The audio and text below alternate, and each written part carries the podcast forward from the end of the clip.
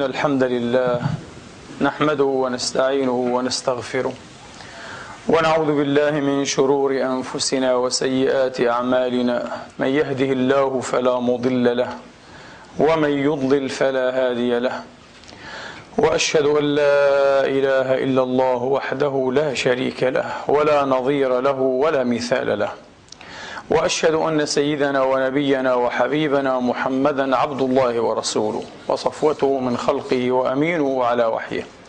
صلى الله تعالى عليه وعلى آله الطيبين الطاهرين وصحابته المباركين الميامين وأتباعهم بإحسان إلى يوم الدين وسلم تسليما كثيرا. عباد الله أوصيكم ونفسي الخاطئة بتقوى الله العظيم ولزوم طاعته. كما أحذركم وأحذر نفسي من عصيانه ومخالفة أمره. لقوله جل من قائل من عمل صالحا فلنفسه ومن أساء فعليها وما ربك بظلام للعبيد. ثم أما بعد أيها الإخوة المسلمون الأحباب أيتها الأخوات المسلمات الفاضلات يقول الله سبحانه وتعالى في كتابه العظيم بعد أن أعوذ بالله من الشيطان الرجيم. بسم الله الرحمن الرحيم. رب قد آتيتني من الملك وعلمتني من تأويل الأحاديث.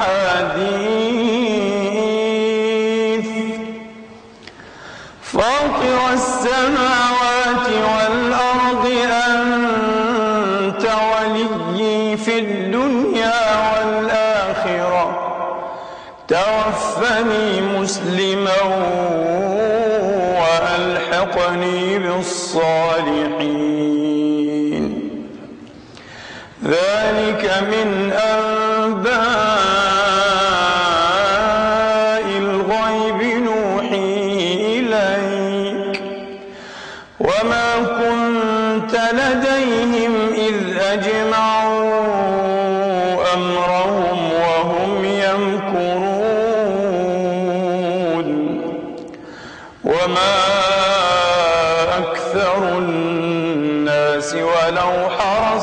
بمؤمنين وما تسألهم عليه من أجر إن هو إلا ذكر للعالمين وكأي من آية في السماوات والأرض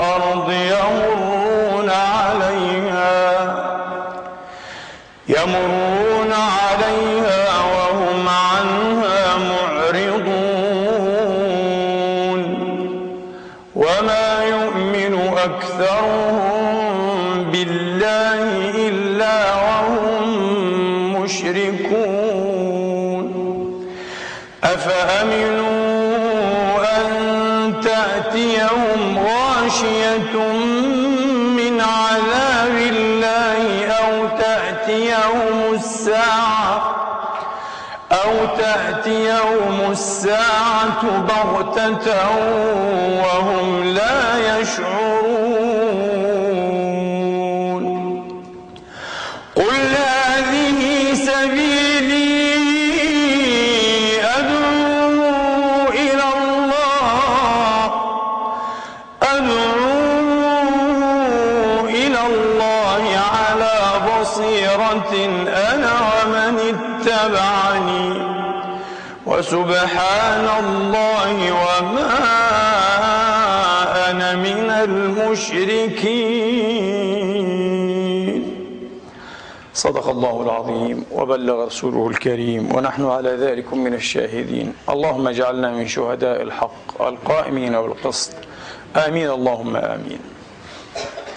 أيها الإخوة الأفاضل أيتها الأخوات الفاضلات بين قوله سبحانه وتعالى رب قد آتيتني من الملك وعلمتني من تأويل الأحاديث. تأويل الأحاديث أي تعبير الرؤى والمنامات. وبين قوله جل من قائل قل هذه سبيلي أدعو إلى الله على بصيرة أنا ومن اتبعني. مجال وميدان للقول وسيع ومهيع للتحقيق ممتد. فمما تقرر أيها الإخوة أن مصادر التشريع محفوظة. ثم هي متفق عليها في الجملة وفي كثير من التفاصيل وحاضرة عتيدة مرجوع إليها ومردود إليها حين يشتجر خلاف بين المجتهدين وبين أهل النظر يرد إليها بقوانينها ودساتيرها. وهذا هو المعنى الأول أيها الإخوة للمرجعية حين نتحدث عن المرجعية التي إن غابت صار الناس أيها الإخوة وصارت أقاويلهم وآراؤهم واجتهادات من يزعم الاجتهاد منهم وحدوثهم وحدوثهم عفوا وظنونهم صارت هباء. لا ميزان لها توزن به ولا مرجع لها أيها الإخوة يرجع إليه لتمييز الغث من السمين والخمير من العجين والخاثر من الزباد كما يقولون. هكذا حالة عدمية حالة عدمية فوضوية. تجعل الأمة أيها الإخوة تسير بلا عقل بلا هدى بلا رشد. وتتبع أهواءها بل تتجارى بها الأهواء والعياذ بالله تبارك وتعالى. فتراهم تفرقوا أيادي سبع طرائق خددا. كل له شيخ وطريقة. كل له أيها الإخوة سبيل وصراطه المستقيم. فأصبحت صراطات مستقيمة ولم يعد صراطا مستقيما واحدا كما أخبر المولى تبارك وتعالى في كتابه. هذا وإن من أكبر اشتجار الخلاف بين جماعات وطوائف وأحاد ربما هذه الأمة أيها الإخوة. ومن أسوأ ما ضربت به هذه الأمة ففرقها وشععها وأضعف منتها وأذهب قوتها اعتماد طوائف وأفراد أيها الإخوة من الأعيان الخواص ومن العامة الأغمار والطغام. على المنامات والأحلام والرؤى. يظنونها أيها الإخوة أو هكذا يسلكون. يظنونها مصدرا تشتق منه الأحكام وتؤخذ منه التشاريع وتؤيد به الآراء وتشيد به المذاهب بل الدول والسياسات. وهذا عجب. ولم تكف للأسف. هذه الأمة عن أن ينبغ فيها مثل هؤلاء في كل حين وفترة من الزمان. حتى جعلوا أمرها عجبا. بل هزؤا ومسخرة للساخرين من عباد الله أيها الإخوة. وجعلوا هذه الأمة على ما قدمت قبيل قليل أيها الإخوة تمشي على رأسها ولا تمشي على رجليها. أمة بلا عقل بلا هدى. فهذا يزعم أيها الإخوة أنه على الصراط المستقيم وأن من خالف عن أمره وشذ عن هديه فهو ضال مضل أو كافر حلال الدم. بماذا؟ بوحي من الله؟ أوحي بعد النبوة؟ وقد ختمت بالخاتم. صلوات ربي وتسليماته عليه. نعم يزعمون بوحي جديد. فبعضهم عرج به إلى ما فوق الطباق السبع. وجاوز سدرة المنتهى وكافح الله. الله أخبره بهذا. عجيب. نعم. بعض هؤلاء علماء انتبهوا. ولهم نظائر في القديم والحديث. فهذا هو حافظ الإسلام وأمير المؤمنين في الحديث ابن حجر العسقلاني في فتح الباري رضي الله تعالى عنه وأهل الله مقامه في دار التهاني. ابن حجر صاحب فتح الباري في الدرة الكامنة في أعيان المئة الثامنة يترجم لأحمد بن عبد الله المعروف بأبي العباس الملثم أحد فقهاء وصلحاء الشافعية في وقته. أيها الإخوة أصله تركي. لكنه ولد كان مولده ونشأته وهلاكه أو موته رحمه الله وغفر له. آه لأنه كان مجنونا يبدو أنه جن واختل مزاجه بالقاهرة بقاهرة المعز بمصر حرسها الله وحفظها. هذا الرجل أيها الإخوة لازم شيخ الإسلام أبا الفتح محمد ابن دقيق العيد شيخ الإسلام والمسلمين العلامة الإمام مفتي المالكية والشافعية المجتهد أيها الإخوة المحقق. المعروف بالصلاح ورسوخ القدم. آه. ابن دقيق العيد. عشرين سنة. لازمه عشرين سنة في الفقه وسماع الحديث. في الفقه وسماع الحديث. وسمع عليه جملة من الكتب الكبار في سائر الفنون والعلوم غير الفقه والحديث. ثم إنه عنا له أيها الإخوة أن يعتزل للتعبد والتنسك. يقول الحافظ فانحرف مزاجه. فجعل يخرج عن الناس بدعاوى. فكان من ذلك من أعظمه أنه زعم أنه رأى الله. أستغفر الله. في المنام مرات كثيرة. وأنه عرج به كما عرج بمحمد بن عبد الله. صار محمد شخصا عاديا يخبر عنه كما يخبر إيه؟ عن أشخاص عاديين. ربما يتفوق عليه هؤلاء وأمثالهم. وبعضهم حكى تفوقه على رسول الله. في أشياء كثيرة. نعم. وبعضهم قال بالعبارة أيها الإخوة خضنا بحرا وقف الأنبياء بساحله. بل قال ابن سبعين, سبعين الزنديق والعياذ بالله. صاحب بد العارف وغير بد العارف قال لقد حجر ابن آمنة واسعا. استغفر الله العظيم. قال محمد هذا ولا يقول محمد ابن آمنة. ثم نرى أيها الإخوة من تنشق عقيرته وينقطع نفسه ويلتاث لوثة المخبلين الممسوسين في الدفاع عن هؤلاء. ويزعم أنه يدافع عن أولياء الله وأهل الأسرار الزكيات. أي أسرار؟ هل لنا عقل أيها الإخوة؟ إذا كان لنا عقل ودين إذا كان لنا قلب سليم فمن أولى وظائف هذا القلب وأول مهام ذلكم العقل أن يفرق وأن يميز بين الحق والباطل. هل يختلط الباطل بالحق؟ هذا الاختلاط حتى ما يميز. إذا كل له عذره حتى المتزندقون وحتى الكافرون إذا فليدخل الجميع الجنة إذا قال هذا الملتاف الخبيث أه؟ ثم لا يعنينا أيها الإخوة أه؟ أن يكون هذا ثبت عنه وأن الذي نقرأه أو نقترئه في كتبه أه؟ هو من قوله نحن إنما نتكلم عن القول ونتكلم عن صاحبه باعتباره قائلا. فإن كان غير ذلك إيه؟ فرحمة الله عليه. أمره إلى الله. انتبهوا. لأن بعض الناس يتلون هذا التلون الحربائي. يقول وما أدراك أن نحن نحاسب الأقوال. تعال معنا وحاسب الأقوال. إيه حتى رسول الله كذب عليه. حتى رب العزة كذب عليه.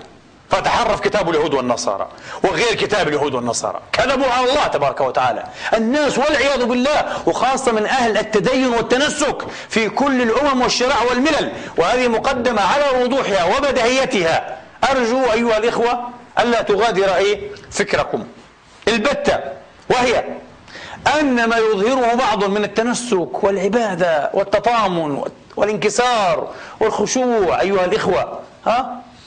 وتسبيح الأجفان وذبول الوجه وصفرة إيه؟ المحية. كل هذا ليس عصمة وليس ضمانا أنه ينسلخ من دينه أو أنه ملتاف في عقله أو أنه ألعوبة بيد الشيطان يصرفه كيف شاء. انتبهوا. انتبهوا وسأتلو عليكم نماذج للعقول التامة. فالفقه أيها الإخوة عند أهله وهم أهل الله اللهم اجعلنا منهم ومن خاصة أهليك. الفقه عند أهله ليس عقلا كما أنه ليس نسكا وحده. الفقه الفقه الاثنان على سواء جميعا. الفقه ورع تام وعقل كامل. عقل كامل مع ورع حقيقي أيها الإخوة. هذا هو الفقيه. أما أن يكون لك ورع ولا عقل لك لا نريدك. أرحنا منك. وأما أن يكون لك عقل ولا ورع فأنت المرشح أن تكون كذابا دجالا نصابا. تكذب على الله وعلى رسله وعلى أوليائه وعلى نفسك وعلى عينيك. تكذب على عينيك وعلى قلبك وعلى سمعك. وقد قال الهادي المهدي صلى الله عليه وسلم الصادق المصدوق إن أفر الفرى أو من أفر الفرى أيها الإخوة. أن يري المرء عينيه ما لم تريا أكذب الكذب والعياذ بالله. وهو مخرج في الصحيح. وحذر من هذا لأن بعض الناس يكذب. يقول رأيت هذا في المنام ورأيت هذا في اليقظة وألهمت كذا وكذا. تكذب على من؟ لكن شأنك صغير جدا. آه. قضيتك ليست بالخطيرة لأن الشريعة محفوظة عتيدة يرجع إليها لمن أراد أن يرجع إليها. والله يا إخواني وأخواتي كلما تفكرت وحزبني ويحزبني هذا الأمر وحزنني ويحزنني هذا الأمر ومررني ويمررني بل يكبدني يصيبني بالكباد كما يصيب كل المؤمنين الصادقين والمؤمنات. أيها الإخوة رأيت أن مادة هذه العلة أساس هذا الدياء العياء الدياء الوبي الداء الوبيل. أن هؤلاء وأشكالهم ونظراهم لم يعودوا واثقين من كتاب ربهم. لأنهم لم يعودوا مستمسكين به. لا يريدونه حجة أيها الإخوة. لا يحورون إليه. لا يعودون إلى معاقده ولا يعقلون إلى معاقله. كيف؟ ومنزله هو القائل جل ربي سبحانه وتعالى له الثناء والمجد الحسن. ما فرطنا في الكتاب من شيء. أولم يكفهم أنا أنزلنا عليك الكتاب يتلى عليهم؟ إن هذا القرآن يهدي للتي هي أقوم ولكن يبدو أن القضية على حد قوله وقال الرسول يا ربي إن قوم اتخذوا هذا القرآن مهجورا. لقد جعلناه أيها الإخوة خلفنا اتخذناه ظهريا وجعلناه كالشريعة المنسوخة واعتضنا بكلام الأولياء والعرفاء والأئمة والمجتهدين وعلان وزيدان وغضبان وسعدان أيها الإخوة عن هذا الكتاب الأجل. فمن هنا تخبطنا؟ والله ها؟ ولا نزال نتخبط حتى نعود إليه ونقيمه في مقامه وننزله في منزلته. المنزلة الأولى والأولى والعليا والأعلى والثانية والأسنى حينئذ سنهتدي الحق بإذن الله تبارك وتعالى. سيلتئم صفنا إن أردنا ولكن ما كل الناس بفاعلين. لأنه ما كل المؤمنين أو مدعي الإيمان بطالبين طالبين لهذا. يبدو أن منهم من يطلب مصلحته ومصلحة إيه؟ جماعته وحزبه ومنظمته وفئته ومذهبه وألعوبته الألهية التي يتلهون بها أيها الإخوة. شيء عجب أيها الإخوة. شيء عجب أمر هذه الأمة والله العظيم. فهذا المعثر المختل أيها الإخوة يقول لقد حجر ابن آمنة واسعا. بماذا يا ابن سبعين؟ قال بقوله لا نبي بعدي. قال كيف لا نبي بعدي؟ إيه طبعا هو يرى نفسه أعلى من النبي. فهذا أبو العباس الملثم أيها الإخوة زعم أنه عرج به إلى السماوات السبع ثم إلى سدرة المنتهى ومعه جبريل والأملاك والملائكة. ثم فارقوه ها ثم كافح الله خاطب الله. ها ورسول الله أخبره أنه من نسله. حتى الأنساب تؤخذ بالمرأي ما شاء الله. أنا سيد شريف من أهل بيت النبوة. بماذا؟ الناس مصدقون بأنسابهم. الناس مصدقون بأنسابهم. لكن أين الدليل؟ ثبت نسبا. القاعدة تقول هكذا. ثبت نسبا وطالب بميراث. ثبت العرش وانقش. ثبت العرش وانقش. لكن لا نخشى قبل تثبيت العرش. لا مطالبة إيه بميراث قبل إيه؟ تثبيت النسب. فالناس مصدقون لكن وفق هذه القاعدة لا بالرؤيا. النبي أخبره ثم لم يجتزئ بهذا حتى تمادى. فادعى أن النبي أخبره أنه هو المهدي المنتظر. ولا بد من اتباعه. من اتبعه فله كذا وكذا ومن خالف عن أمره فعليه كذا وكذا. أقول أيها الإخوة للأسف. طبعا يقول ابن حجر فسجن مرات مع المجانين. مجنون لا تقول لي ابن دقيق العيد شيخي ولا أنا وعنده كتب. هو يحكي أحواله هذه. أبو العباس الملثم في كتاب ضخم ويحكي مرائي كثيرة. رآها الصالحون والعارفون له من تلاميذه وأشياعه وأتباعه ومرائيه هو. آه. التي رآها هو. ورأى الرسول. ومن رآني فقد رآني حقا. فإن الشيطان لا يتمثل بي لا يتمثلني لا يتزايا بي. وكله في الصحيح. ألفاظ مختلفة وروايات متعددة وهذا حق لكن سيأتي القول فيه القول في تأويله إن شاء الله على وجهه على شرط العلماء الكبار الثقات أصحاب العقول الكاملة والورع التام. عقل كامل وورع تام. لا تغتروا أنه صالح. كثير العبادة قد يكون مجنونا. قد يكون كما أقول دائما شخصية مفصومة شيزوفرينيك من الصعب حتى على محلل نفسي وعالم أن يحدث بمرضه من أول إيه ضربة ولا حتى أحيانا إيه من عشرين أو 200 جلسة وهو مفصوم يعني مجنون. باللغة البسيطة كذا من المجانين. كثير من هؤلاء الذين ألفوا وهم شعراء وكتاب هم مجانين. وثبت أنهم مجانين. وبعضهم انتهى نهاية المجانين مثل نيتشه مثلا. عادي كثيرون جدا. الناس لا يعرفون هذا. خلق بليغ فهمان أه؟ خطيب مصقع مبين فطحل إيه ومجنون. انتبهوا ومجنون. كيف نميز؟ استمسك بعروة كتاب الله. استمسك بمحكمات الدين. لا تلعب بدينك. لا تلعب ولا تؤول أمثال هذه السخافات والمساخر. من هذا المحقور المرذول التاعس البائس العاثر ها؟ الذي استهواه الشيطان واستجره حتى ينعت الرسول صلى الله عليه وسلم. خير العالمين وما أرسلناك إلا رحمة للعالمين. بأنه ابن آمنة. يقول تحجر ابن آمنة. ما هذا؟ ويرهبون الناس. هناك إرهاب فكري. إذا لم تؤمنوا بهذا فأنتم كفار زنادقة. عليكم من الله كذا. الكل يلعب هذه اللعبة. سئمني هذه اللعبة.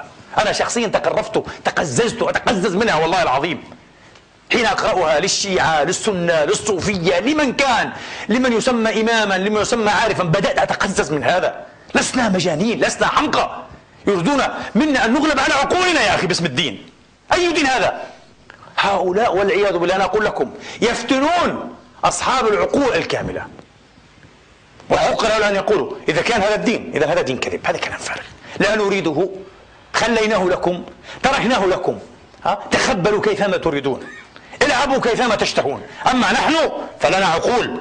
لنا مبادئ يا أخي العامة تقول الله بالعقل يعرف العامة تقول هذا. الله بالعقل عرفوه يقولون. عاقل هذا مرجع. لابد أن يكون مرجعا. أيها الإخوة وإلى شوط بعيدها. مش إلى تحت القدم إلى شوط بعيد هو مرجع انتبهوا. إلى شوط بعيد. لأن الذين أسقطوا العقل عن رتبته أرادوا أن يحكموا ماذا؟ ما ليس يعقل. وإذا صار الأمر وانتهت النوبة إلى ما ليس إلى ما ليس يعقل إذا فالكل مستو. أليس كذلك؟ يأتيك الرجل بقول ويأتيك أي عدو بنقيضه. وهذا يرهبك أن هذا هو الحق. إن لم تدع الله به فأنت كافر. أنت من أهل جهنم ولن تخرج منها وستصلاها أبدية والآخر يأتيك بالقول النقيض. بالقول النقيض. تعرفون هذا مثل كذب من؟ مثل كذب من يدعون أنهم أشياخ العارفين والصوفية والسالكين. ثم نرى تقريبا كل واحد منهم يزعم أو يزعم فيه من قبل تلاميذه أنه خاتم الأولياء. خلاص انتهى. هذا خاتم الأولياء. وأنه قطب الزمان. فنقرأ عن قطبين ثلاثة عشر عشرين في نفس الوقت يا أخي. من القطب؟ هذا كذب معناها. هذه لعبة كلها.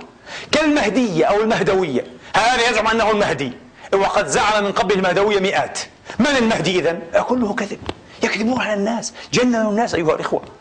أرادوا من الناس أن ينسلخوا من دينهم بعدما انسلخوا من عقولهم.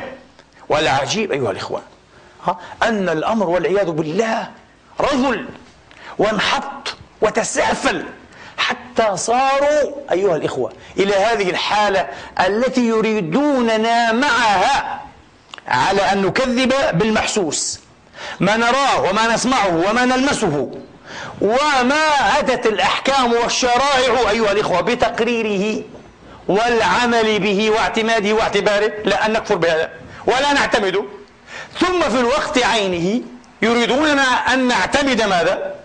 الأحلام والمنامات وحدثني قلبي عن ربي والحدوث والظنون والإلهامات شيء غريب جدا جدا أترك هذا عكس ما قال الشاعر خذ ما تراه ودع شيئا سمعت به في طلعة الشمس ما يغنيك عن زحلي الحكاية لا زحل ولا الشمس الحكاية دخلت كلها إيه بعضها في بعض أيها الإخوة آه. ومن هنا مثلا آه. يحكون قصة جماعة من تلامذة أبي العباس المرسي رضوان الله عليه. رأوا أحد إخوانهم وهو تلميذ مقرب للشيخ المرسي رأوه والعياذ بالله يفسق بامرأة. في حال زنا. إيه تبا له. تبا له. مفروض أن يؤخذ من أذنه هذا. إذا كان في دولة تقيم الحدود يشهد عليه ويقام الحد أو يستر عليه. لكن ونحن إيه مع الستر. مع الستر يؤخذ من أذنه ويعرق ويقال له يا أخي اتق الله. شوهت الإسلام وشوهت شيئا وشوهت الطريق وشوهت أي الطريقة. الطريقة الدسوقية. الإبراهيمية اتق الله وتوب إلى الله يا رجل وابكي على نفسك. لا القصة مش هكذا يخرجونها. قال لك فأرادوا ضبطه فأعجزهم فرارا فاشتدوا في أثره فمشى على النيل. وإذا بماء النيل تحته جمد. يمشي على عجيب. قصة أقسم بالله أنه كذب هذا. أنا أقول لكم على المنبر من رسول الله أقسم بالله أنه كذب. لسنا مجانين. هذا كذب ووقاح. كذب وقاح هذا يا جماعة. فذهبوا إلى الشيخ. يا شيخنا ما نبغوا هذا؟ التلميذ المريد العجيب. رأيناه يفسق. يرتكب الزنا. ونحن جماعة. عدول. غير متهمين. ولا زنيمين ثم رأيناه يمشي على الماء. كرامة. فانظروا إلى ما افتري على الشيخ. أنا أظن أن هذا من الافتراء على الشيخ أبو العباس. وإن قاله فنحن نناقشه. يجب أن نكون واضحين. المرجع كتاب الله وصحيح السنة. مش سيدي فلان وسيدي علان.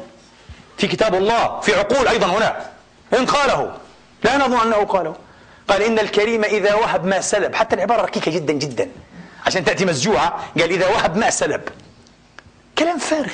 إيه إن الكريم إذا وهب ما سلب؟ كلام فارغ. مش صحيح. لأن الله يقول واتلوا عليهم نبأ الذي آتيناه آياتنا. بلعم. أو بلعام ابن باعوراء أوتي الاسم الأعظم. في قول جمهور المفسرين. فانسلخ منها. فأتبعه الشيطان.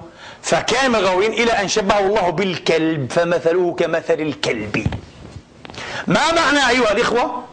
الآيات الكثيرة المتكاثرة التي تقرر أنه لا يأمن مكر الله إلا القوم الكافرون. محمد صلى الله عليه وسلم كان لا يأمن مكر الله. ما تقول لي إذا وهب ما سلب؟ من أين الكلام هذا؟ إيش إذا وهب ما سلب؟ ماذا؟ أنا أفهم هذا القول قد يكون له وجه حق. إذا وهب لم يسلب. تعرفون كيف؟ نعم دون سبب منك. إذا أنت لم تنسلخ من حالك لم تنسلخ من الطاعة. آه، محال. محال. لأن الله أخبر عن هذا. هذا لا يحيله العقل إنما يحيله النص الشرع. محال أن الله كذا بلا سبب يعثرك ويضلك. ليدخلك جهنم. حاشا لله. وما أرسل الرسل إلا لرحمتك. وهو القائل.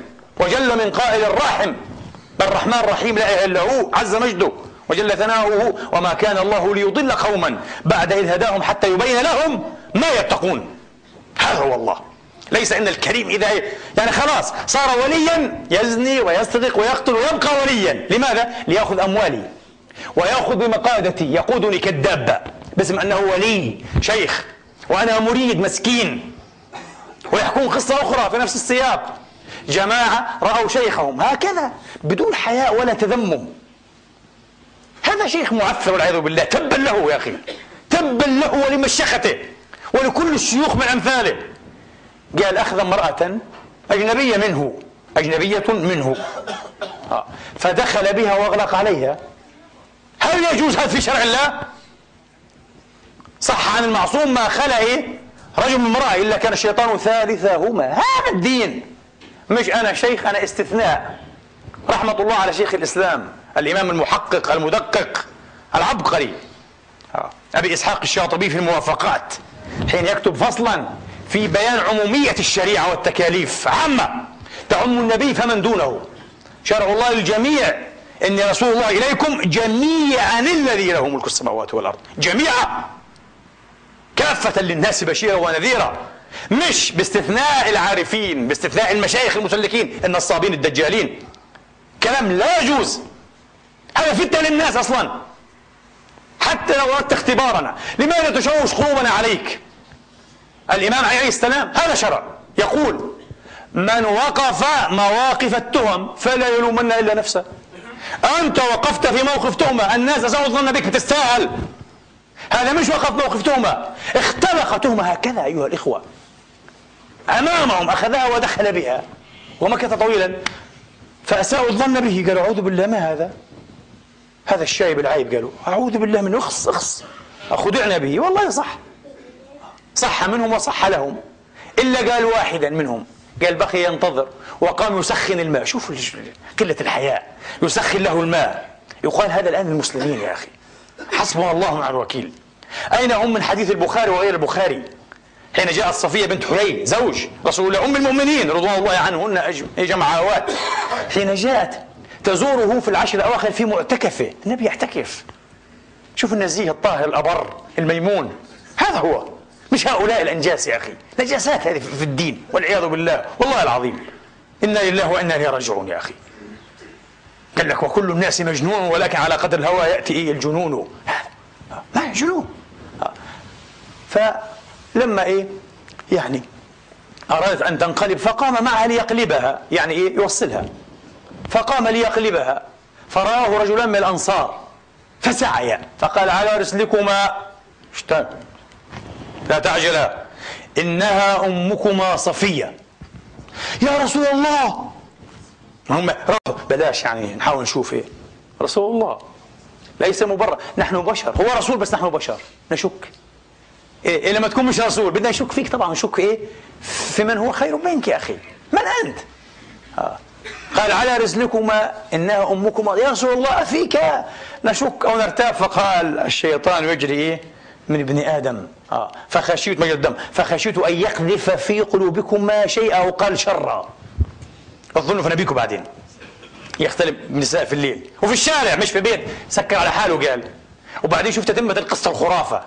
القصة التي لا خطام لها ولا زمام ولا أدب ولا ذمام. لا حياء ولا ذمام. ولا خطام ولا زمام. بعد ذلك خرج الشيخ فوجده. قال لماذا لم تذهب أنت الآخر أيضا؟ ليش واقف تنتظر؟ قال لا بل سخنت لك الماء لعلك تكون على جنابة. يعني متأكد حتى لو زنيت. تبقى شيخي. لماذا يبقى شيخك؟ قال أنا ما اتبعت هذا الكلام يعني ها لسه وسط ولكن هو إلى الباطل أقرب. قال لأنني ما اتبعتك على أنك معصوم. اتبعتك على أنك شيخ دال على الله. أنت بتدل صاحب طريق بتدل. أما إن وقعت منك معصية وتقع أنت مش معصوم. آه. فهذا بينك وبين الله وليس علي منه شيء لا عليك منه شيء. وأول ما عليك منه أيها المريد المخبر خبروك. أن تأمر معروف أن تنهى عن المنكر. كان أول ما دخل النقص على بني إسرائيل الحديث. رواه أبو داود وغيره.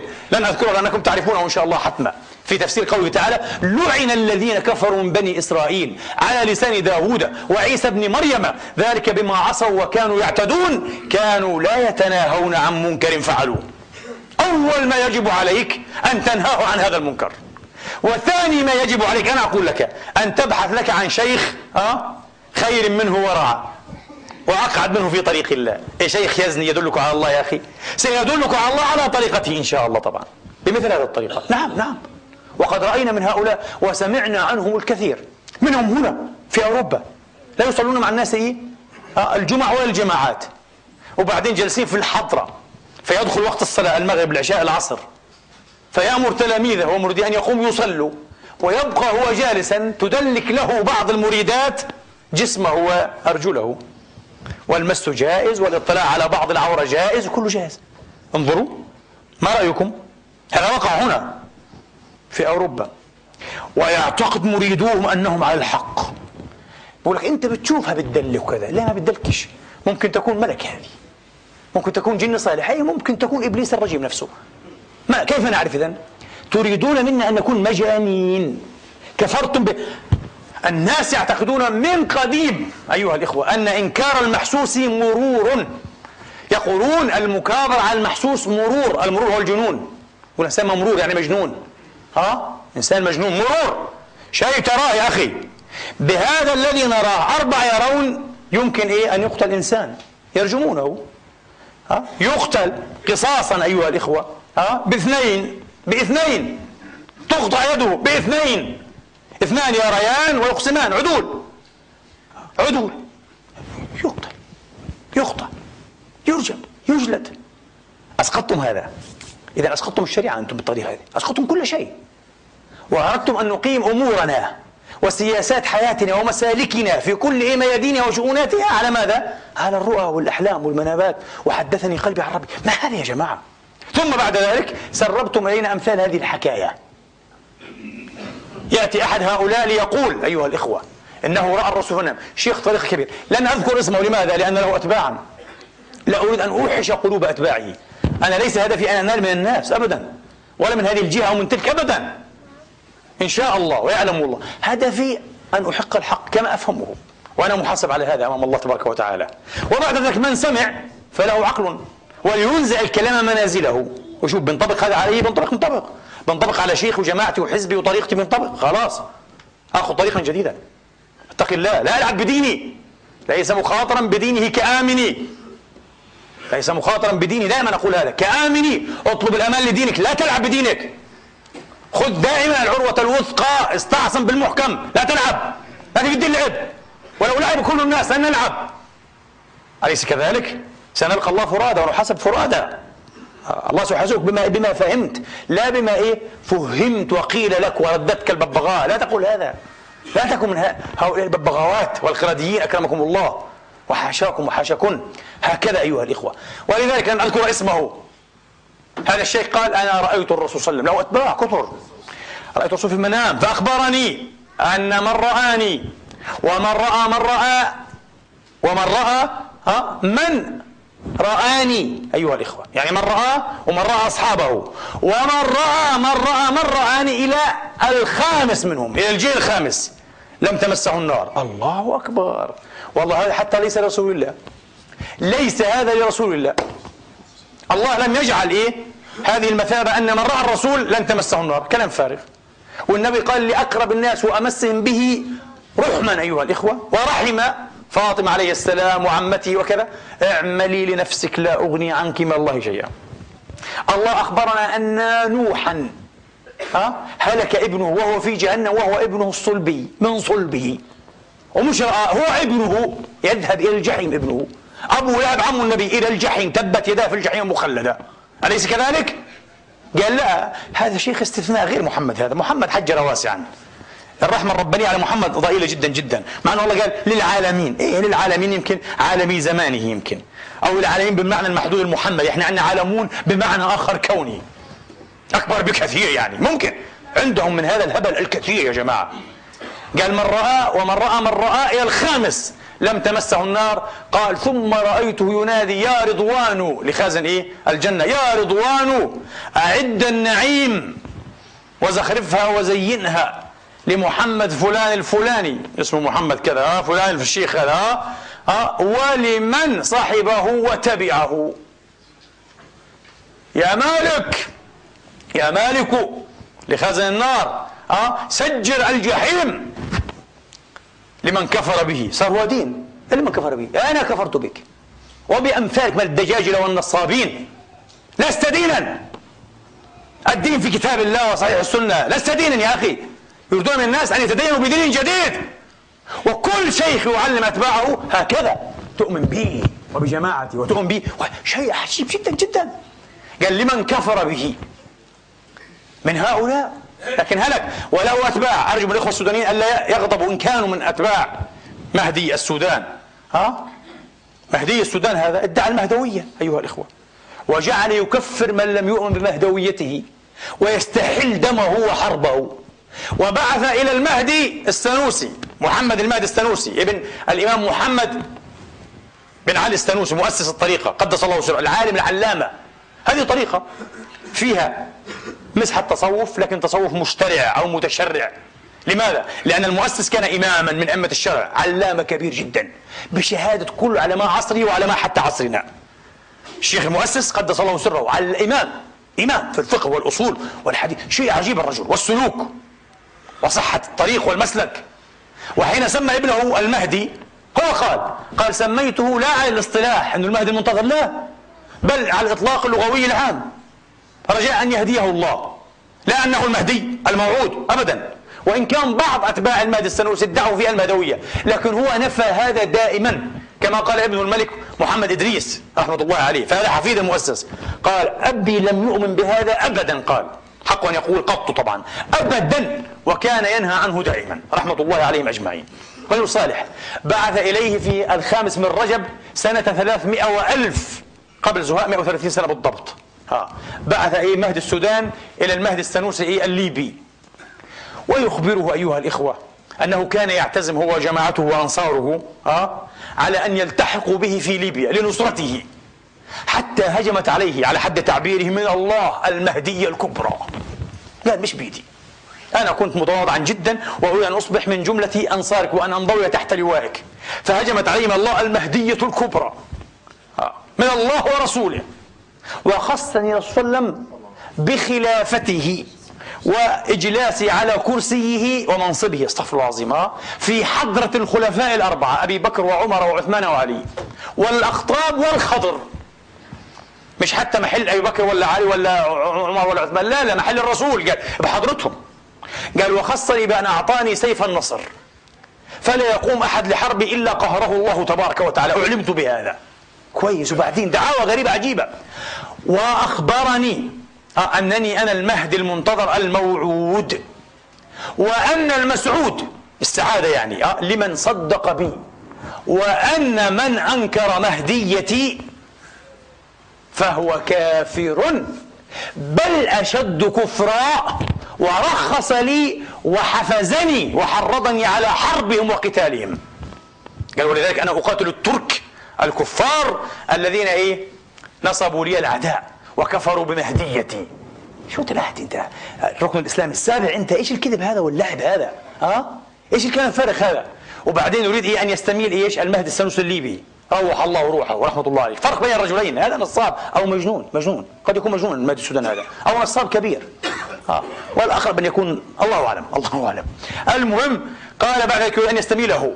وأخبرني صلى الله عليه وسلم أن الله خلقني من نور عنان قلبه صلى الله عليه وسلم. ودلني على علامتين. على المهدية. طلع المهدي متعدد. شغل نصب عشان يسميه المهدي إيه؟ مهدي ليبيا. قال له علامة مهديتك. أنت كمان مهدي. قال ما فيش مشكلة. يا أنت مهدي وأنا مهدي. المهم إيه؟ تدخل في وزارتي. تكون وزيرا عندي. قال النبي أخبرني. شوف النبي يخبر بكل هذه الأكاذيب. استغفر الله العظيم. والنبي اخبر هذه رسالة. تنشرها الفرقة إيه المهدية فرقة المهدي في السودان. منشورة هم مش إحنا. هم يكتبون هذا. تاريخ 5 رجب 1300 رسالة إمامنا المهدي. أين عقولكم؟ أين دينكم؟ أين الميزان عندكم؟ أين المرجعية؟ من أنتم؟ ما أنتم؟ ما الذي يحصل؟ وهذا غيب فيض ها؟ قال الخال على خدك الأيمن. علامة المهدية النبي قال قال ما شفتكاش أنا. الخال على خدك الأيمن. وأما علامة مهديتي أنا فراية من نور. راية من نور يحملها في معترك القتال عزرائيل. ما اسموش عزرائيل. لا الله سماه عزرائيل بنو اسرائيل سموه عزرائيل. ولا في السنة. آه الصحيحة والحسنه اسمه عزرائيل اسمه ملك الموت. ما لأنه مهدي عنده علم غير الكتاب والسنة. عزرائيل هذا علم بني إسرائيل. يحملها عزرائيل. راية من نور يحملها عزرائيل. طبعا بالمناسبة لغته يعني إلى حد بعيد جدا مستقيمة. لغة المهدي هذا السوداني. مش لغة المهدي اليمني الأهبل هذا. كان عنه في درس الأحد السبت بالمرة ماسح هذا لا يفهم شيئا. هذا لا يعني. تكلم لغة هيك عربية جميلة ومرتبة يعني وكلام موزون. آه. قال إيه رايه يحملها عزرائيل فيثبت الله قلوب أوليائي وأنصاري رجال جيش جندي ويخذف الرعب في قلوب أعدائي. قال هذه علامة المهدوية تبعتي. فأنا دائما منصور. أنا دائما منصور. بعرف لك. آه طيب يا عدنان. طيب يا أخي ألم ينصره الله؟ وانتصر حتى إيه؟ على جوردون وقطع رأسه. من؟ من الذي يحتج بالحوادث إلا جاهل ممرور العقل له؟ إيش هذا؟ معناها يجوز لأبي سفيان حين كان كافرا مشركا والكفار ما كان يقولوا نعم نحن على حق هبل على حق رب محمد على باطل لأننا رفعناه راية لنا وعلما ومستغاثا ومستندا في أحد وقلنا أعلو هبل. ها؟ وبعدين انتصرنا. خلاص ومحمد انهزم. معناها؟ ما هذا؟ الصليبيون انتصروا علينا في بيت المقدس. قتلونا شر قتلة أيها الإخوة أعملوا فينا السيف الكبار والصغار. أجروا الدم أنهارا.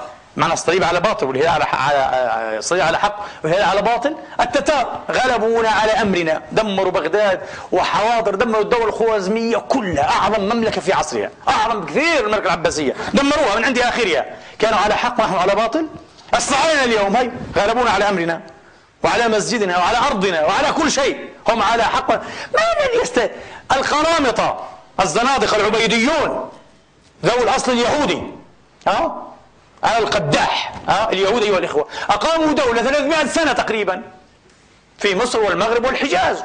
والشام أيضا بعض أطراف الشام دولة الفاطمية بناة الأزهر. هم الفاطميون. وهم زنادقة. واستحلوا المحرمات في كتبهم. أنا عندي كثير من كتبهم كتب القاضي النعمان وغيره. استحلوا المحرمات زنادقة. منهم الحاكم بأمر الله. والآمر بأحكام الله. هذا حكم واحد. اثنين مختلفان. الآمر بأحكام الله والحاكم بأمر الله. الحاكم بأمر الله أيها الإخوة ادعى الإلهية في الأخير. ادعى انه المهدي وادعى النبوة بعدين ادعى أنه الرب الإله استغفر الله العظيم. إيه؟ وهؤلاء 300 سنة يحكمون. هم على حق على باطل. من الذي يستدل بهذه الأشياء؟ النبي يقول يبعث النبي يوم القيامة ولا أحد معه. نبي يأتي برأسه هكذا هكذا وحده. معناه كان على باطل والذين كفروا به على حق. ما هذا الجنون؟ أين المنهج؟ أين المنهج؟ أين التفكير؟ يحتجون بالحوادث يعني. المهدي ابن تومرت مؤسس دولة الموحدين عالم ومجاهد وزاهد وناسك ونصاب أيضا. نصاب ودجال دجل كثيرا وأصل كثير عن الناس. عنده تاريخ في النصب الرجل. واضح جدا. لكن عنده هدف وبلا شك عالم وناسك ومجاهد واستفاد منه الإسلام كثيرا وهو خير ألف مرة من العبيدين الحمد لله ورحمة الله عليه. لكن عنده نصب مش معناه أنه نصب وكذب أنه كان صادقا وأنه مهدي وادعى المهدوية طبعا لك أنا المهدي أنا المهدي المنتظر. كذب ونصب هذا. و... ويحيلون على رسول الله في المنامات. على رسول الله في المنامات. آه. ومن رآني يضحكون. فقال له إيه؟ قال له بعدين يا مهدي إيه؟ ليبيا. آه. مهدي السنوسي. قال له أنت كمان مهدي وأنا مهدي وأبلغني رسول الله. الرسول نفسه أبلغني أنك من وزرائي. أعرف هذا قال له. والخضر قال الكلام هذا.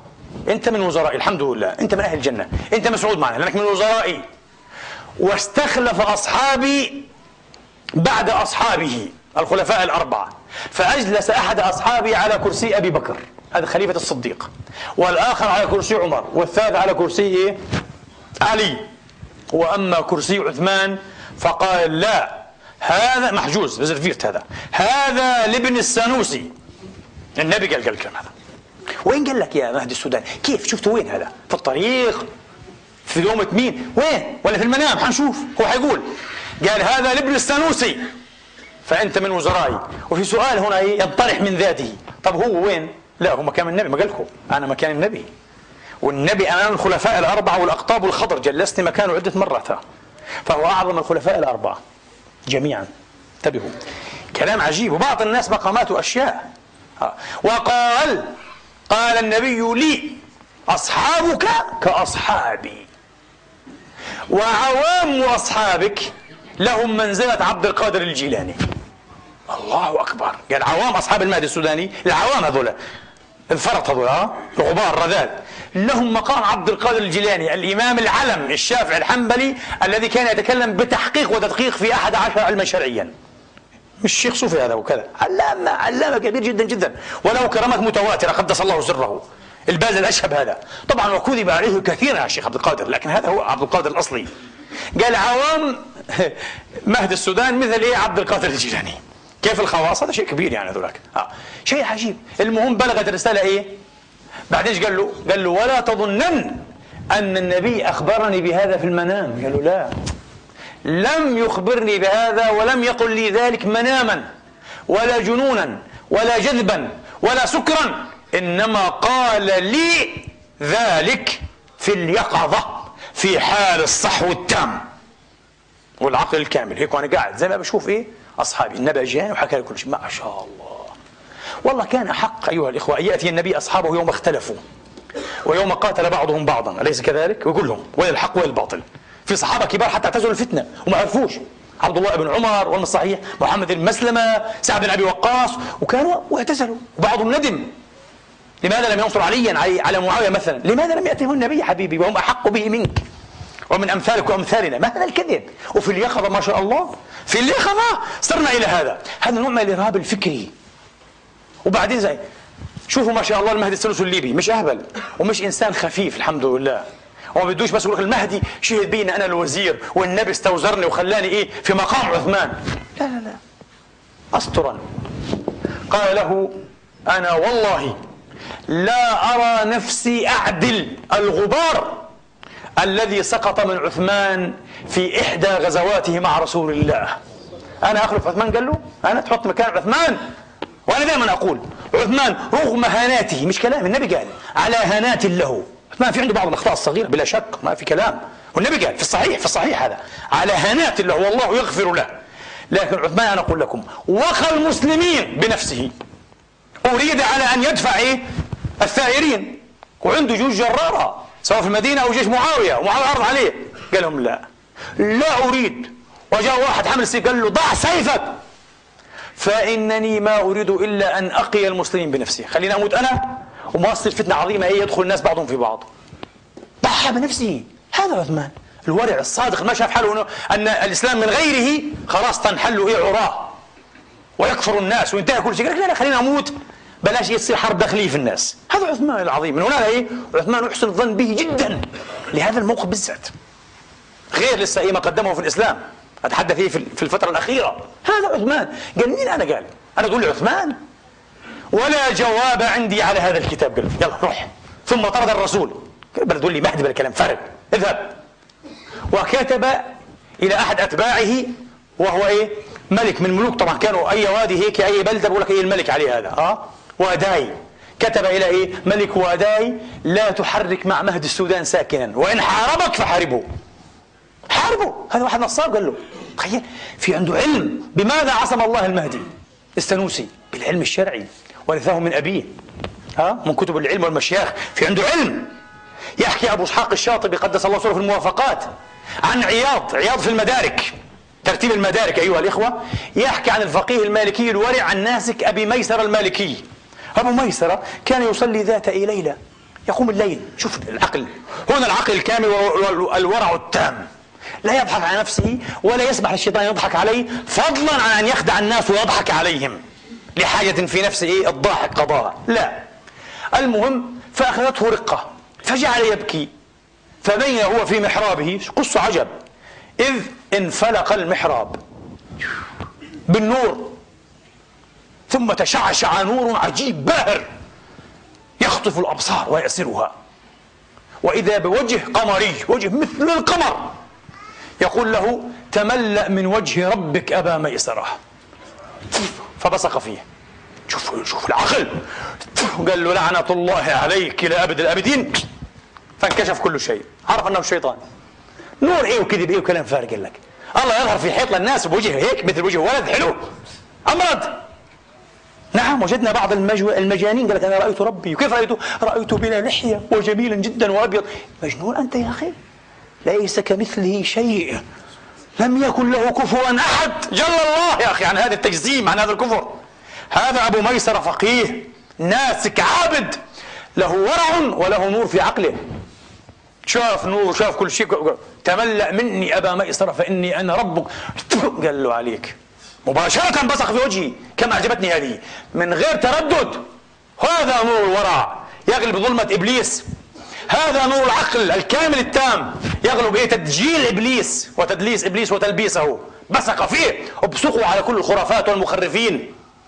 يخرفون علينا هكذا. قال المروذي مش المروزي المروذي.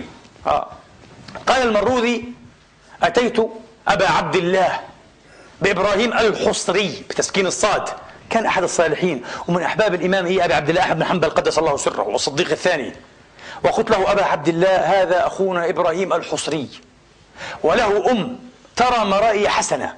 أم صالحة هيك وتشوف رؤى طيبة جدا جدا. وقد رك وقد رأت لك رؤيا. شوف. قال فقصها إبراهيم الحصري على الإمام أحمد. ما فرحش فيها وذكر فيها الجنة.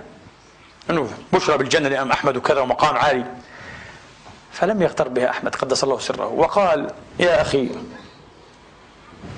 هذا سهل ابن أسامة كان يرى له ويخبر بأمثال هذه الرؤى. كثير ناس يقولوا شفنا لك هيك شفنا لك هيك. مرائي ممتازة جدا جدا. ثم خرج في دماء الناس. سفك الدم. والرؤيا يا أخي تسر المؤمن ولا تغره. قال ما بتغرني عن نفسي بعرف حالي أنا. رؤيتي بكذا شوف شوف. هذا العقل أنت أمام إنسان عاقل. نحب هؤلاء العقلاء نحن. اللهم اجعلنا منهم. عقلاء مع ورع مش نصب. قيل لوهيب ابن الورد قدس الله سره العارف الكبير الخطير جليل الشأن وهيب معروف من هو وهيب. الذي سئل انتبهوا قصة إذا وهب ما سلب وبسخر له المية. شوفوا الآن إيه هذا الصوفي العارف من الأوائل هذا وهيب ابن الورد من المتقدمين. سئل يا وهيب هل يجد لذة العبادة من عصى الله؟ قال لا ولا من هم. حين تهم بالمعصية تحدث نفسك تفقد لذة العبادة. مش تزني ويسخر لك المية. تبقى تدل على الله. كذب ماذا هذا؟ كذب ومين هذا؟ وقلة عقل وذمام وحياء لا. قال لا ولا من هم. لا ولا من هم. الله أكبر. لله دره ودر منطقه. هذا منطق رباني. لا ولا من هم. قيل له يا وهيب. واحد قال له رأيتك كذا كذا ورأيتك في الجنة. فبكى. وقال لقد خشيت أن يكون هذا من تلاعب الشيطان بنا. قال ما تفرحوش ولا نحفرك يكون هذا لعبة. قيل لصالح آخر قال له قال رأيتك في مقعد صدق عند مليك مقتدر. قال له اسكت لا تحدث الناس بتلاعب الشيطان بك وبي. بتلاعب بينا قال له. بلا كلام فارغ. ما أنا عارف حالي. إيش مقعد الصدق كذا؟ والحي لا تؤمن عليه الفتنة. ليس كذلك؟ الحي لا تؤمن عليه. ما الذي قطع نياط قلوب أولياء الله والعارفين؟ حدثناكم مرة عن انطراح الإمام ابن رسول الله. زين العابدين يا جماعة. زين العابدين ابن علي. علي عفوا ابن الحسين ابن رسول الله ابن فاطمة ابن علي. عليهم السلام أجمعين. الشعبي الإمام الشعبي عامر بن شراحيل الشعبي إمام الكوفة رآه منطرحا حول إيه؟ الكعبة الشريفة. وجهه تعفر بالتراب واختلط بدمعه. يشكو إلى الله ذنبه. يشكو الله فضائعه وخبائحه وظنه أحد العصاة فإذا به ابن بنت رسول الله. لا يأمن مكر الله إلا القوم الكافر الحيلة مع تواضع. أين التواضع يا جماعة؟ أين الصدق مع الله ومع النفس ومع رسوله؟ أين؟ أين الخوف من مكر الله؟ أين؟ إيش الدعاوى العريضة؟ ولذلك قال أحد الصالحين من أسلافنا قال هؤلاء الذين ادعوا غيروا دعاوى عن أنفسهم. نحن ونحن. ها؟ واحد يقول لك أنا إيه؟ قسيم الله به الجنة والنار. واحد قال لك أنا أطفأت النار خلاص. واحد قال لك أنا عندي عهد من رب العالمين. ها؟ كل من إيه أحبني وصدق بي لا يدخل النار لا هو ولا ولده ولا ذريته. الله الله الله إيه ده؟ وليه؟ عشان إيش يا حبيبي؟ زي ما أقول هذا ليس لرسول الله ليش أنت لك؟ إيه ليه؟ أتيتنا بدين جديد يعني خير من دين محمد وأعمق وأرسخ من دين محمد يعني؟ شيء غريب جدا جدا. آه. أكاذيب أكاذيب كثيرة أيها الإخوة. فلا تحدثوا. في صحيح مسلم أيها الإخوة عن جابر بن عبد الله قال أتى أعرابي الرسول صلى الله عليه وسلم فقال يا رسول الله رأيت في المنام رأيتني يعني في المنام وكأن رأسي قد قطعت فخرجت. ادحدلت هيك. قال فاشتددت في أثره في أثر رأسي. فماذا قال النبي؟ لا تحدثوا بتلاعب الشيطان بكم في المنام. قال له هذا كلام فارغ كله واضح إنه أضغاث. إيش راسك انقطعت وأنت بتجري وراها؟ اللي بتقطع راسه بموت قال له بالك كلام فارغ. واترك هذا تلاعب من الشيطان بك. فالرؤيا ثلاث. رؤيا حق من الرحمن رؤيا تحزين من الشيطان. أهاويل كما في حديث قتادة وغيره أهاويل من الشيطان. وما يحدث به إيه؟ المرء نفسه يراه في منامه. حديث النفس فرويد هنا سيجموند فرويد دخلنا في فرويد والنبي قال لا في رؤيا حق من الله هذيك شيء ثاني هذيك. آه. وفي إيه؟ وفي أهاويل من الشيطان. قال له طب اسمعوا الآن عاد إلى جماعة إسلامية كبرى الآن. كبرى في المغرب العربي. لن أذكر اسمها حتى لا أحزن إيه؟ أتباعها. ولكن ليعلموا الحقيقة.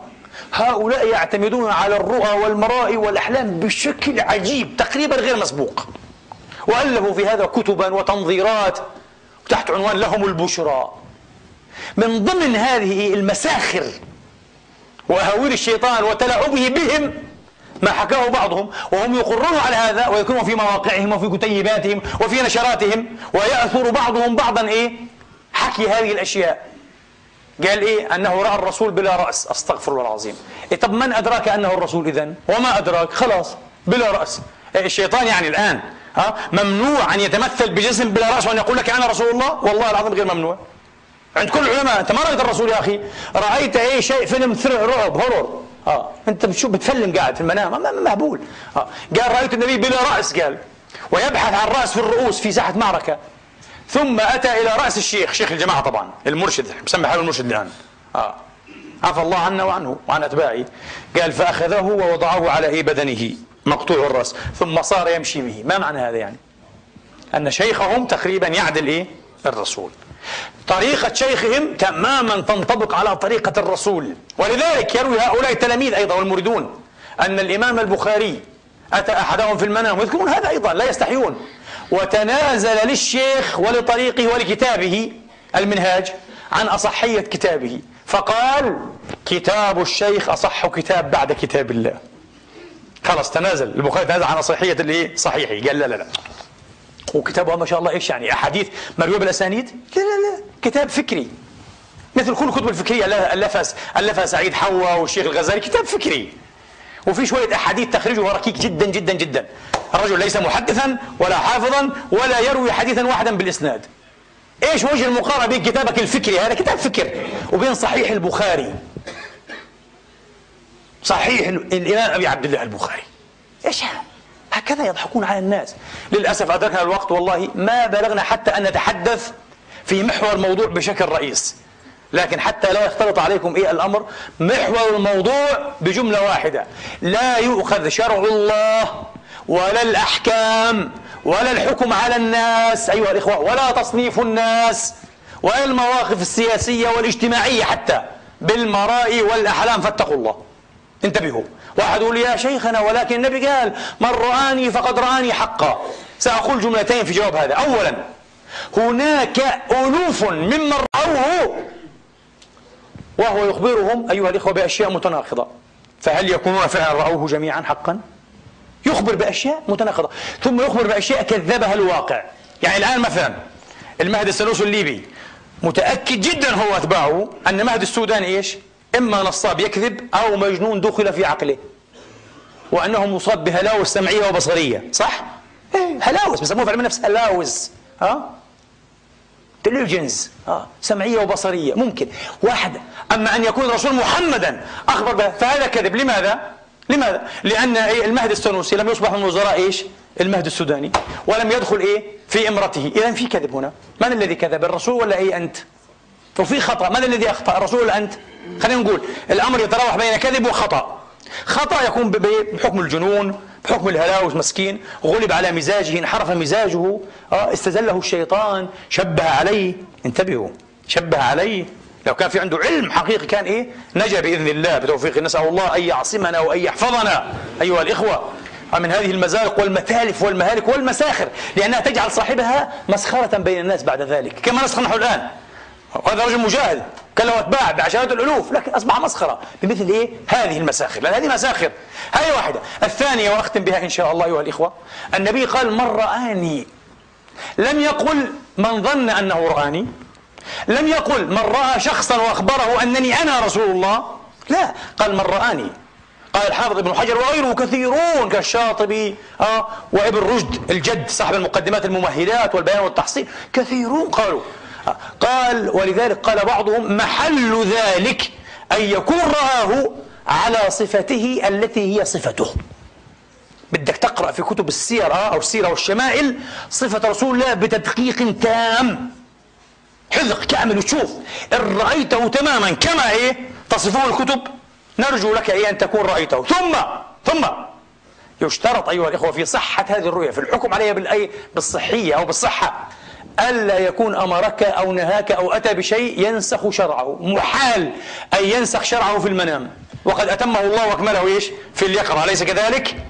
محال. وإلا تكون الرؤيا غير صحيحة. كاذب أيضا. من الشيطان؟ أو من النفس. أو مرضا عقليا أو ما نعرفش. هلاوس ربما تخيلات.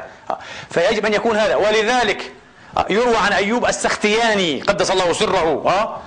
قال كان محمد يعني ابن سيرين. إذا جاءه رجل وقال يا إمام رأيت الرسول. يقول صف لي الذي رأيت. فيصفه. فإن ذكر له صفة لا يعرفها مش صفة الرسول يقول له ما رأيته. ابن سيرين إمام المعبرين. ما قالش أي شيء تشوفه أي واحد هو الرسول. شفته قصيرا شفته طويلا جدا شفته أسود شفته أحمر شفته أشهب شفته لا. يجب أن تراه على وصفه كما هو ولا تكذب.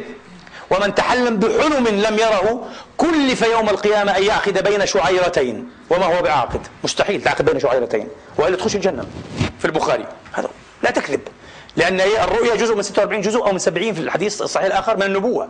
فكأنك تدعي إيه؟ شيئا من النبوة. انتبه لا تكذب على الله. لا تتنبأ تصبح متنبئي الكذبة الدجاجلة.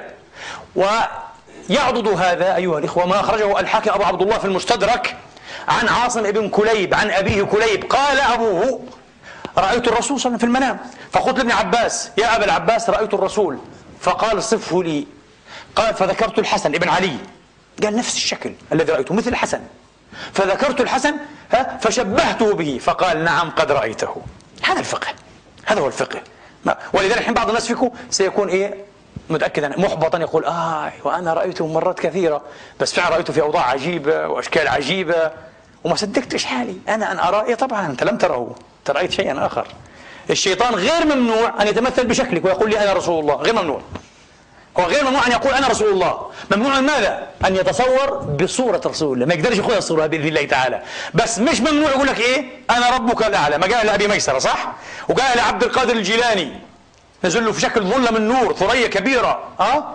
كلاستر وقال له إيه؟ عبد القادر. قال له لبيك. قال له أبحت لك إيه؟ المعاصي. وأسقطت عنك من فرائضي. قال اخسأ لعنة الله عليك. قال فانكشف النور فإذا هو ظلمة. قال نجوت يا عبد القادر ولقد أضللت بهذه الحيلة سبعين من أولياء الله. أتعلم بما نجوت مني؟ قال أعلم. بالعلم قال له. بالعلم. ما في إنسان تباح له المعاصي. ما في إنسان تسقط عنه الفروض. قال تعالى لمحمد خير عباد الله وخير العابدين والعارفين واعبد ربك حتى يأتيك اليقين. نسأل الله أن يتمم علينا عقولنا وأن يحفظ علينا ديننا وإيماننا ووراعنا ونسأله نسأله تبارك وتعالى أن يختم لنا بأسعد خاتمة وأحسنها حتى نلقاه مؤمنين موحدين. قد شحرنا ومحضناه توحيده لا إله إلا هو. اللهم لا تردنا على أعقابنا بعد إذ هديتنا. أقول قولي هذا وأستغفر الله فاستغفره فيا فوز المستغفرين. المسلمين